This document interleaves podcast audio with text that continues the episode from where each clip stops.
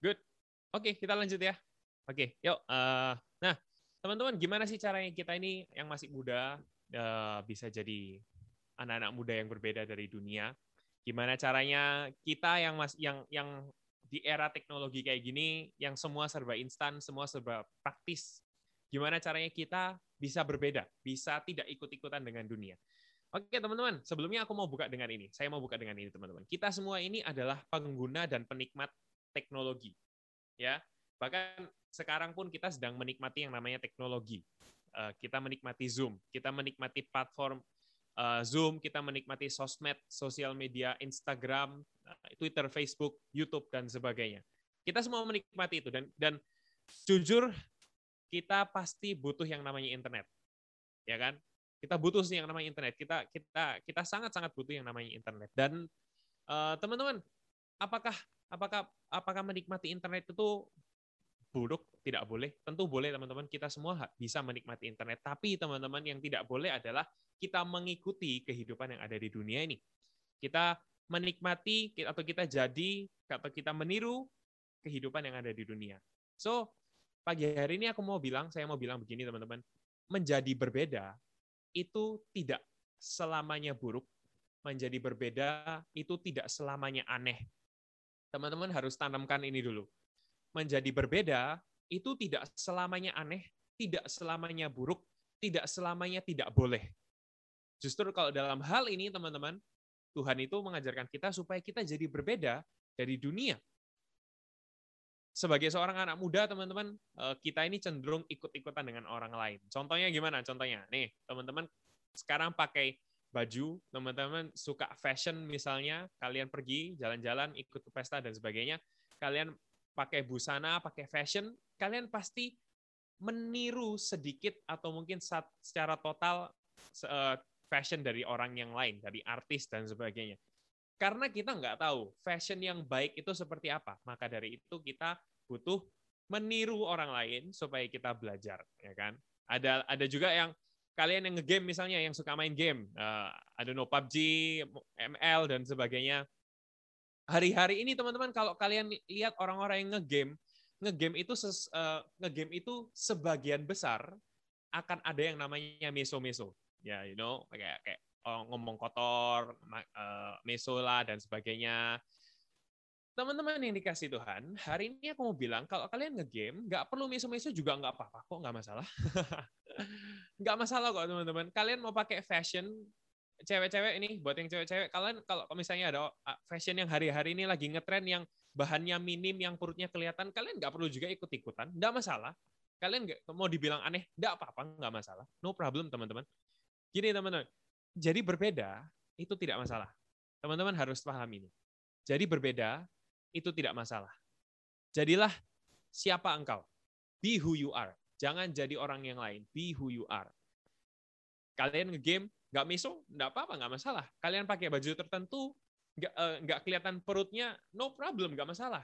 Nggak masalah. Kalian pakai rok, misalnya buat yang cewek-cewek, kalau panjang, no problem, nggak usah nggak usah ikut-ikutan yang lain. No problem, teman-teman kita jadi berbeda tidak masalah.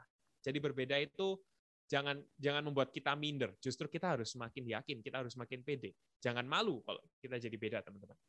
Alkitab saja, teman-teman, mengingatkan kita kalau kita ini harus jadi berbeda.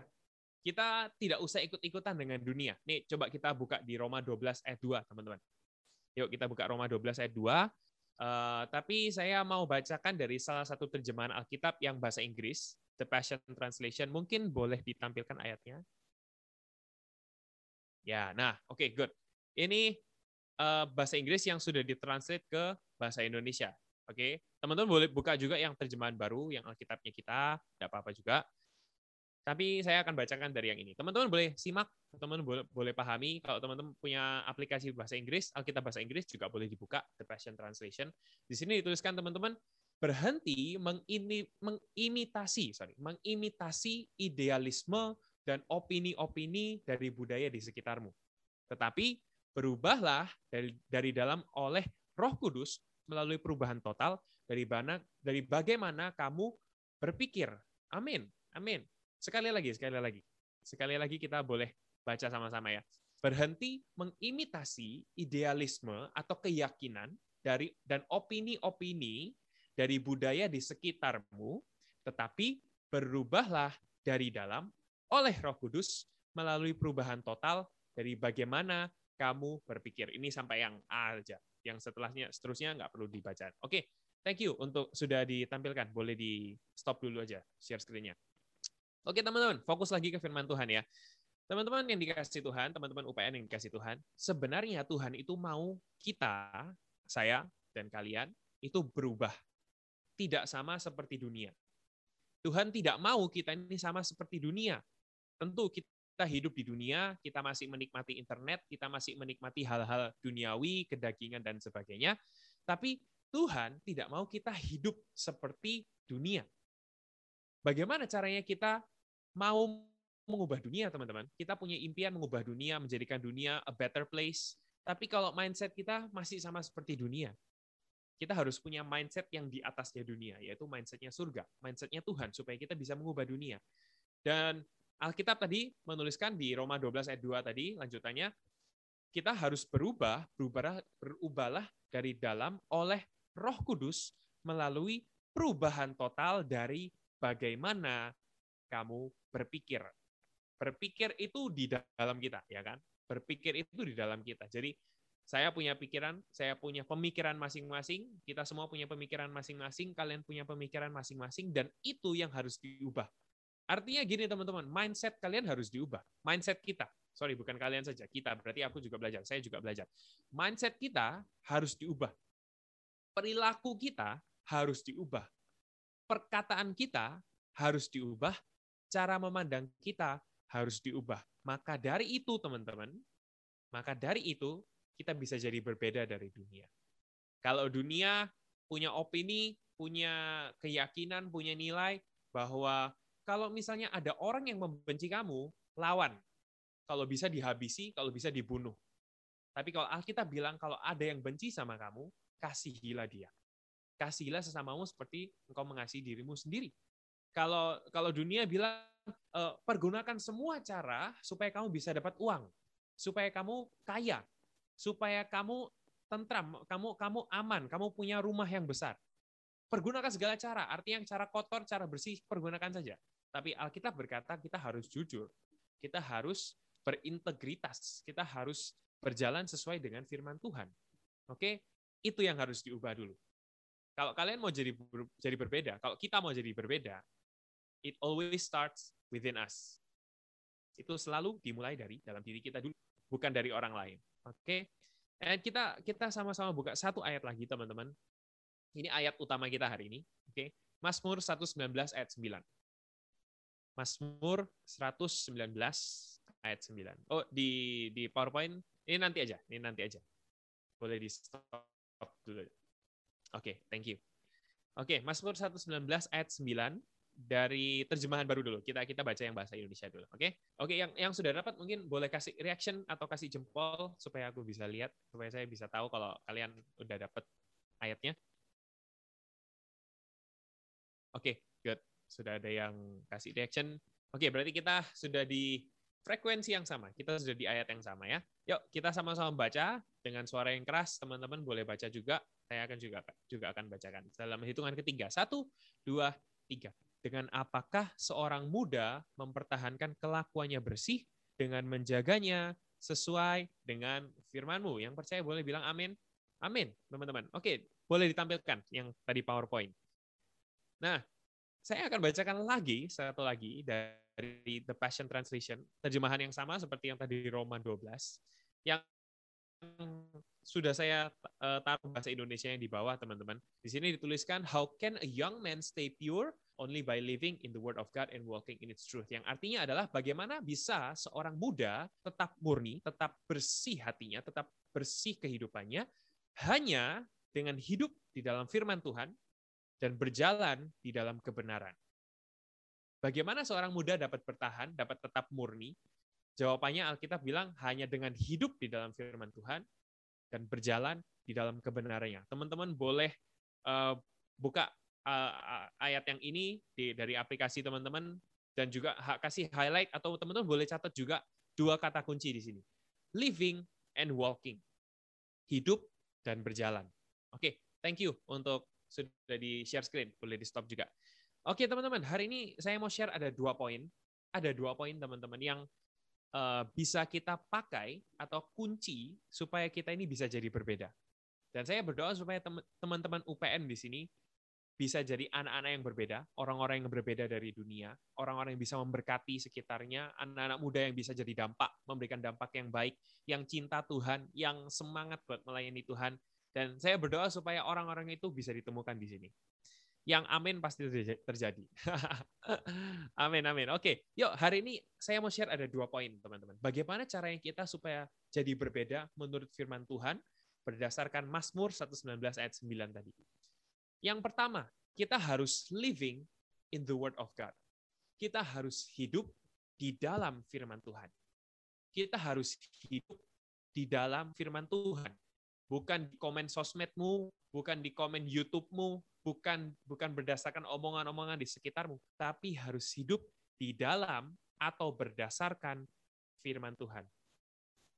Oke, nah terjemahan Alkitab ini menarik teman-teman karena di terjemahan baru tadi kalau teman-teman baca ya, itu tulisannya kan dengan menjaga sesuai dengan firman-Mu. Tapi kalau The Passion Translation, Alkitab bahasa Inggris tadi, sama Alkitab bahasa Inggris yang lain, itu menggunakan kata living.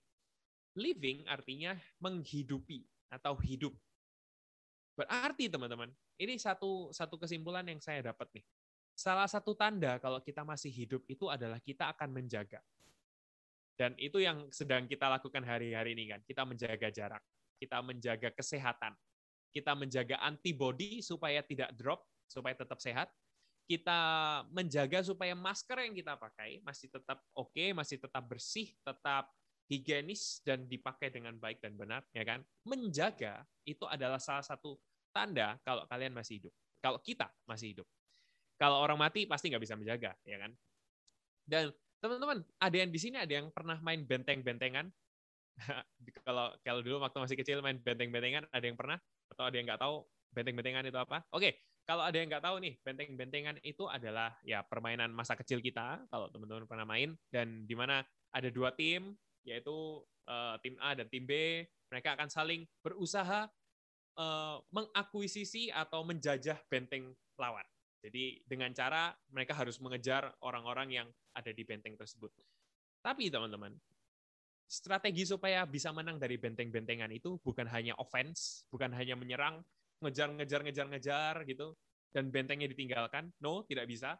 Tapi salah satu cara supaya kita bisa menang dari supaya kita bisa menang game itu adalah menjaga benteng kita. Teman-teman, seperti benteng-bentengan itu, kalau kalian mau menang, kalau kalian mau jadi anak-anak yang hebat, kalau kalian mau jadi pribadi yang berbeda dari dunia, kalau kalian mau punya hati yang berbeda dari dunia, pola pikir yang berbeda, mindset yang berbeda dari dunia. Kalian harus jaga kehidupan. Kita harus jaga kehidupan kita. Kita nggak bisa membiarkan dunia itu menguasai mindset kita. Kita harus menjaga mindset kita sesuai dengan firman Tuhan. Kita harus jaga hati kita sesuai dengan firman Tuhan. Oke? Kita harus menjaga diri kita dengan firman Tuhan, teman-teman. Cara pertama untuk jadi berbeda adalah kita harus menghidupi atau kita harus hidup di dalam firman Tuhan. Bahkan Alkitab teman-teman menggambarkan orang-orang yang hidup di dalam firman Tuhan itu seperti pohon yang ditanam di tepi aliran air. Teman-teman pernah, uh, I don't know, ada yang pernah lihat sungai atau ada yang pernah lihat danau, terus di sekitarnya ada ada uh, tanaman-tanaman, tumbuhan-tumbuhan. Uh, saya percaya teman-teman kalau pernah lihat itu, wah rasanya hijau sekali ya, daunnya hijau subur gitu. Rasanya dia dia nggak akan pernah bisa mati karena dia connect karena dia dekat dengan sumber air, sumber makanannya. Buka Alkitab yuk sama-sama di Mazmur 1 ayat 1 sampai 3. Mazmur 1 ayat 1 sampai 3. Oke, Mazmur 1 ayat 1 sampai 3, teman-teman yang sudah dapat juga boleh kasih reaction supaya saya bisa tahu kalau teman-teman udah dapat. Alright. Oke, Siap, kita sama-sama baca. Mazmur 1 ayat 1 sampai 3 mengatakan demikian, berbahagialah orang yang tidak berjalan menurut nasihat orang fasik, yang tidak berdiri di jalan orang berdosa, dan yang tidak duduk dalam kumpulan pencemooh. Tetapi yang kesukaannya adalah ialah Taurat Tuhan, dan yang merenungkan Taurat itu siang dan malam. Yang ketiga, kita sama-sama yuk. Satu, dua, tiga. Ia seperti pohon yang ditanam di tepi aliran air, yang menghasilkan buahnya pada musimnya, dan yang tidak layu daunnya. Apa saja yang diperbuatnya berhasil. Berapa banyak yang bisa katakan amin? Apa saja yang diperbuatnya bisa berhasil. Wow, sorry, bukan bisa berhasil. Diperbuatnya berhasil, berarti pasti berhasil. Wow, luar biasa. Teman-teman, pohon itu kalau menghasilkan buah, berarti pohon itu hidup.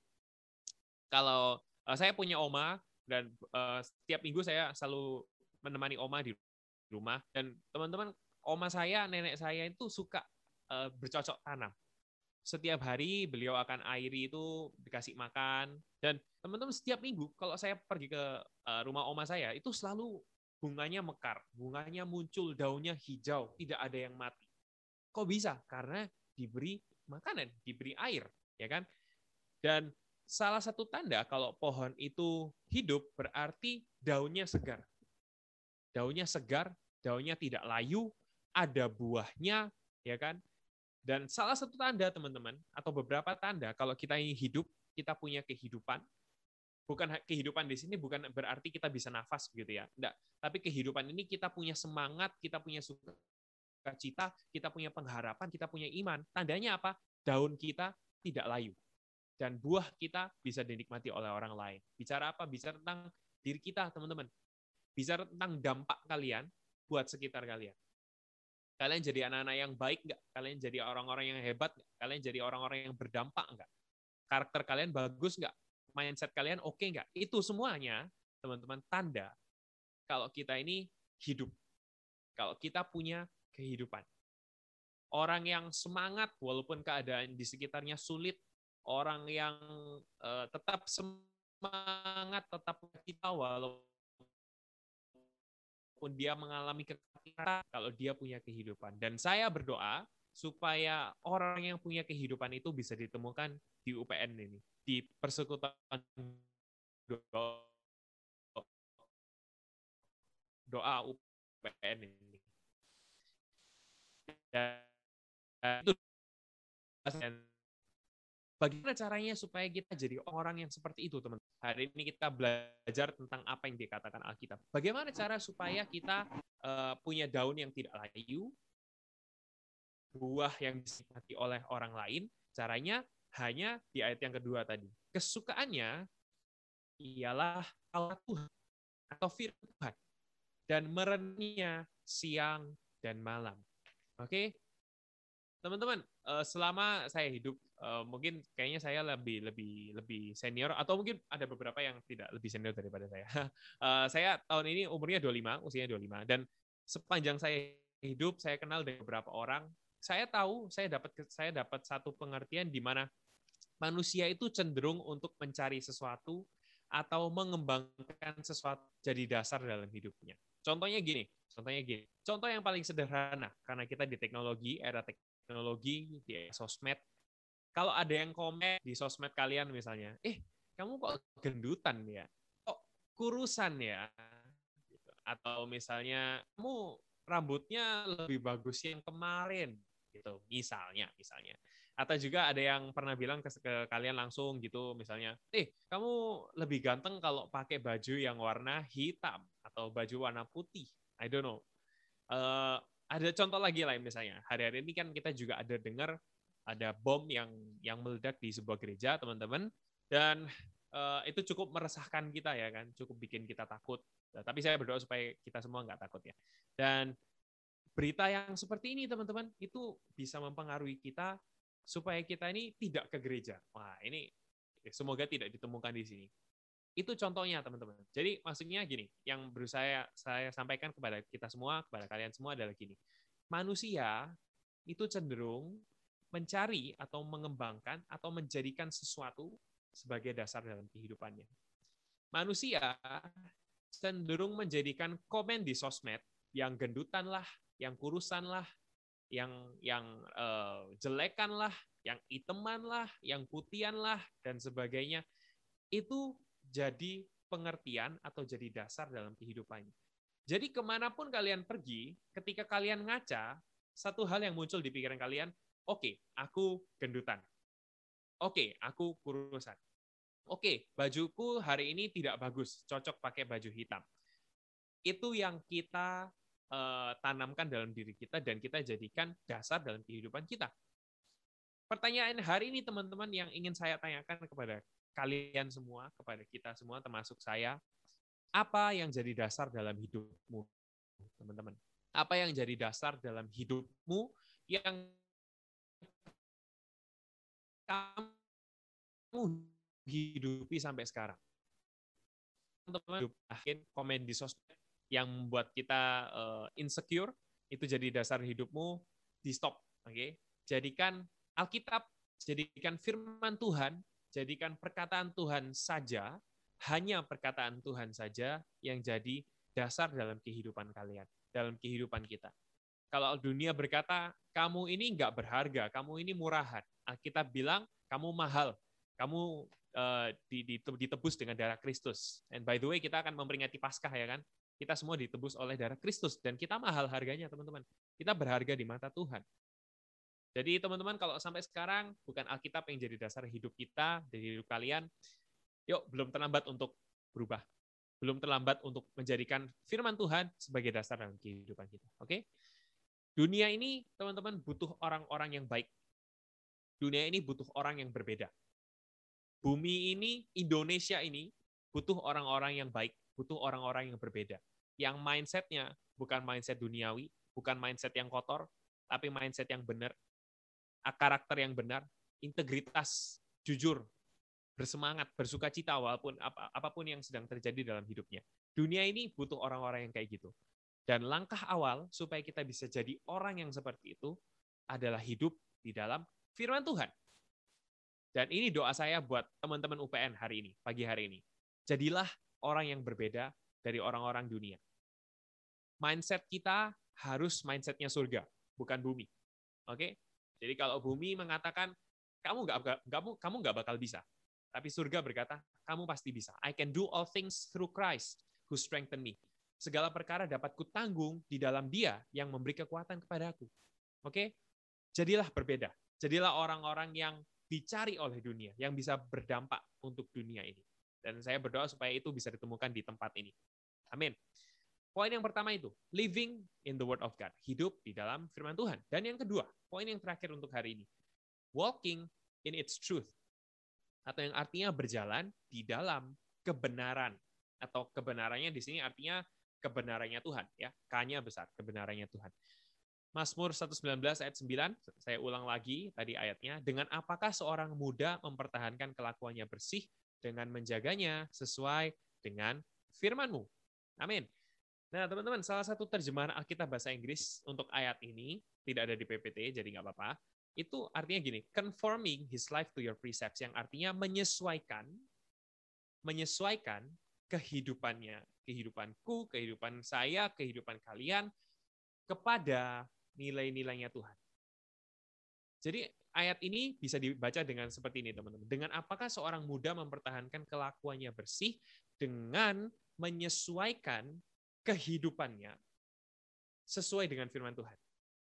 Dengan menyesuaikan hidupnya, mindsetnya, hatinya, perkataannya, cara dia lihat, cara dia mendengar, sesuai dengan firman Tuhan. Sesuai dengan nilai-nilainya Tuhan. Artinya gini teman-teman, cara kalian hidup bukan cara dunia. Jalan yang harus kalian lalui bukan jalannya dunia, tapi jalannya Tuhan. Jalurnya kalian, tracknya kalian bukan di dunia, track kita bukan di dunia, tapi tracknya harus menurut Tuhan. Oke? Okay? Jalurnya Tuhan, teman-teman, saya mau kasih tahu, jalannya Tuhan itu tidak selalu mudah, berliku-liku, bahkan mungkin lebih berat daripada dunia, tapi selalu mengarah kepada kebaikan. Selalu kasih yang terbaik buat kalian, supaya kalian baik, supaya kalian jadi orang-orang yang hebat, kalian potensi kalian jadi jadi keluar 100% bahkan 1000%, itu jalannya Tuhan. Cara yang kedua adalah berjalan di jalannya Tuhan di jalannya Tuhan, jalan kebenaran. Oke. Roma 12 ayat 2. Oke, kita baca lagi yuk. Roma 12 ayat 2, tapi kali ini yang terjemahan baru yang biasa kita baca.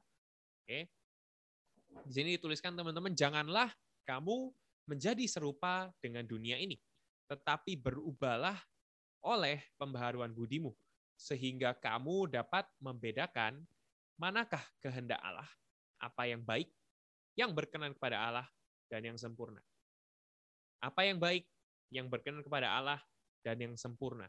Jadi, teman-teman, kalau kita punya kehidupan yang berbeda dari dunia, salah satu tafsiran Alkitab yang lain, The Message itu mengatakan, kalau kamu tidur, kalau kamu bangun, kalau kamu berdiri, kalau kamu duduk, kalau kamu makan, kalau kamu minum, kalau kamu ngomong, kalau kamu ngapain aja, jangan dilakukan menurut dunia.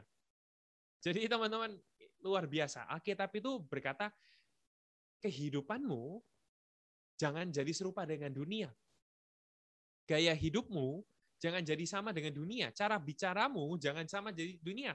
Cara berpikirmu jangan jadi sama seperti dunia. Seperti yang tadi saya katakan awal-awal tadi teman-teman.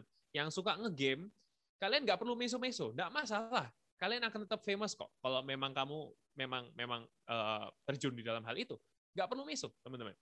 Uh, yang cewek-cewek misalnya pakai baju apa pun, nggak perlu minder, no problem. Kalian itu perfect.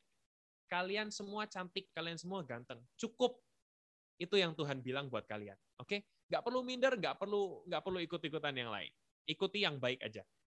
Nah, teman-teman, kalau gaya hidup kita beda, hidup kehidupan kita berbeda, semuanya berbeda. Sesuai dengan Alkitab, sesuai dengan firman Tuhan, kita akan bisa membedakan apa yang baik, yang berkenan kepada Allah, dan yang sempurna. Yang baik itu artinya gini, yang bisa memberkati orang lain. Rindu nggak sih? Kalian pingin nggak sih kayak kalian itu jadi orang yang bisa berdampak buat orang lain. Kalian bisa jadi uh, membawa satu kebaikan buat orang lain. Ke mana pun kalian pergi, kalian diingat, oh ini ya, misalnya, sorry aku pakai uh, nama kalian ya, oh ini ya, Yonas itu yang jujur itu ya. Wah, Nathan itu yang berintegritas itu kan. Oh kalau kalau Magdalena ini yang nggak suka bohong itu kan. Nah, rasanya dia bukan kita aja yang senang, Tuhan itu juga senang teman-teman. Kalau kita ini baik. Oke, itu yang pertama. Yang terus ke, kalau kita punya kehidupan yang berbeda dari dunia, kita bisa menyenangkan hati Tuhan. Bukankah ini teman-teman tujuan utama kita hidup di dunia? Menyenangkan hati Tuhan, ya kan? Dan yang ketiga, yang sempurna atau yang artinya cukup, yang artinya pas buat kita. Oke, kita kita belajar tiga poin ini ya. Ini tiga sub poin yang terakhir yang eh, kita akan bahas secara cepat saja. Oke, Eh, teman-teman dikasih Tuhan, kalau kita mau berjalan di jalannya Tuhan, kalau kita mau berjalan di jalan kebenaran, jalan yang benar, jalan yang benar itu seperti apa? Ada tiga. Pertama, jalan yang benar itu adalah jalan yang baik. Jalan yang baik, seperti yang saya katakan tadi, jalan yang baik itu artinya adalah jalan yang bisa memberkati orang lain, yang bisa memberikan dampak yang baik buat orang di sekitar kita. Dan Eh, saya kira hari ini kita sedang melakukan sesuatu yang baik. Uh, waktu kita hari ini hari Sabtu, uh, sebentar lagi uh, kita udah weekend nih, udah vibes-nya udah weekend. Harusnya hari ini kita udah mau siap-siap uh, apa ini malam minggu. Kita harusnya sudah bisa bisa begadang dan bangkong juga. Tapi hari ini teman-teman, kalian memilih untuk duduk di mana pun kalian berada dan ikut ibadah. Itu sesuatu yang baik bukan untuk orang lain, tapi itu investasi buat kehidupan kalian supaya karakter kalian bertumbuh. Nah, oke, okay? jalan yang baik itu gitu. Kita harus melewati jalan yang baik. Efesus 4 ayat 32. Yuk, buka lagi yuk. Efesus 4 ayat 32. Efesus 4 ayat 32. Teman-teman yang sudah dapat boleh kasih reaction, kasih uh, apa pun supaya aku bisa tahu, saya bisa tahu kalau kalian sudah dapat. Oke, semua masih bisa mengikuti ya sebentar lagi kita akan uh, selesai, hampir selesai. Efesus 4 ayat 32, teman-teman boleh simak, boleh baca kita masing-masing. Dikatakan di sini teman-teman, tetapi hendaklah kamu ramah seorang terhadap yang lain. Penuh kasih mesra dan saling mengampuni sebagaimana Allah di dalam Kristus telah mengampuni kamu. Jadi teman-teman, ayat ini bisa dibaca seperti ini. Kita ini harus ramah, kita harus baik, kita harus uh, friendly kepada semua orang, kita harus penuh dengan kasih kepada semua orang karena Tuhan Yesus sudah uh, sudah memberikan itu kepada kita. Oke, waktu saya tinggal berarti tinggal 8 menit lagi. Oke, 8 menit lagi ya, 8 menit terakhir. Sebagaimana Tuhan Yesus sudah mengampuni kita, teman-teman. Sudah mengasihi kita. Oh, jadi alasannya itu. Kenapa kita harus baik? Karena Tuhan Yesus sudah baik buat kalian. Tuhan Yesus sudah baik buat kita. Uh, uh, kemarin kita merayakan Jumat Agung, besok kita akan merayakan kebaik, kebangkitannya Tuhan Yesus. Tuhan Yesus sudah mati buat kita, buat saya, buat kalian, ditebus dengan darahnya Tuhan Yesus gratis. Kalian nggak perlu bayar, kita nggak perlu bayar apa pun. Gratis, tis-tis, udah. Wes utuh, perfect, nggak perlu dibalas dengan apa pun. Itu itu kasihnya Tuhan Yesus buat kita. Dan sekarang kita pun harus melakukan kebaikan juga kepada orang lain. Nah, berarti jalan yang baik itu artinya gitu. Kita harus melakukan yang baik, jadi orang-orang yang baik. Kita harus jadi orang-orang yang berintegritas, yang jujur, yang suka mengasihi Tuhan, yang suka dengan firman Tuhan. Teman-teman, dunia ini, sekali lagi saya katakan, dunia ini butuh orang-orang yang baik. Kalau kalian nggak pernah melihat orang-orang baik di sekitar kalian, jadilah orang baik itu. Supaya orang-orang di sekitar kalian lihat, oh ternyata ada orang baik di dunia ini.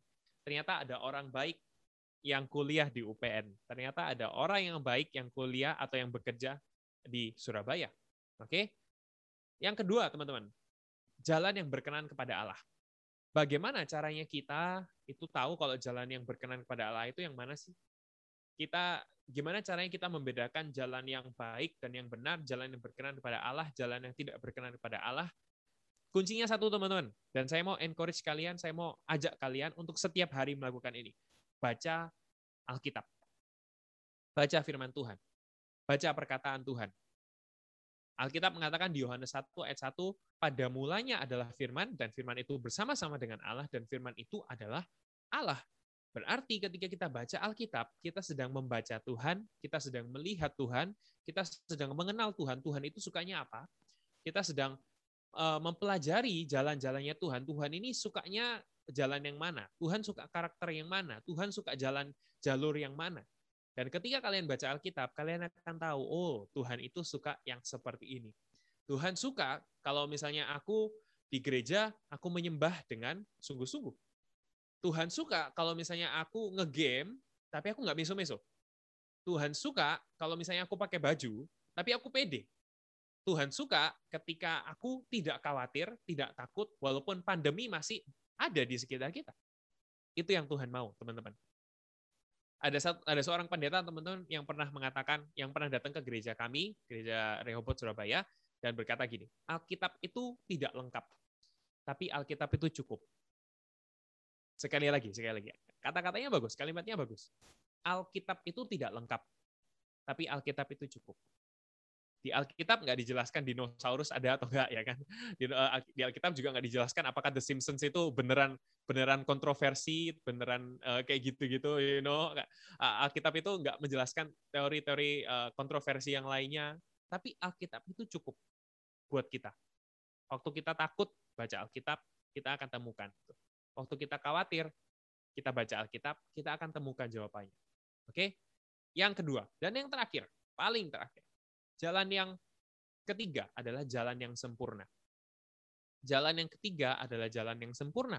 Jalan kebenaran yang ketiga adalah jalan yang sempurna. Sempurna di sini berarti tidak bukan berarti tidak bercacat, eh, kita nggak bisa melakukan kesalahan sedikit pun, zero error gitu dan sebagainya. No, tapi di sini artinya gini teman-teman, jalan yang sempurna itu adalah jalan yang pas, yang oke, okay, yang pas. Semua bilang pas.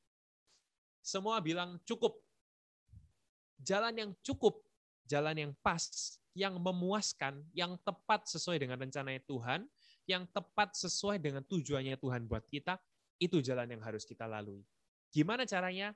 Balik lagi ke ayat yang ke, ke poin yang kedua. Bacalah Alkitab, teman-teman.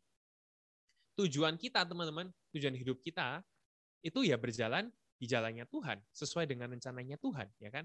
Bukan untuk punya banyak subscriber, bukan untuk uh, bisa dapat uang dari YouTube atau punya banyak followers di Instagram. No, tapi jalan tapi tujuan kita di dunia ini, teman-teman, kita mau menyenangkan hati Tuhan dengan berjalan sesuai dengan jalannya Tuhan, dengan rencananya Tuhan.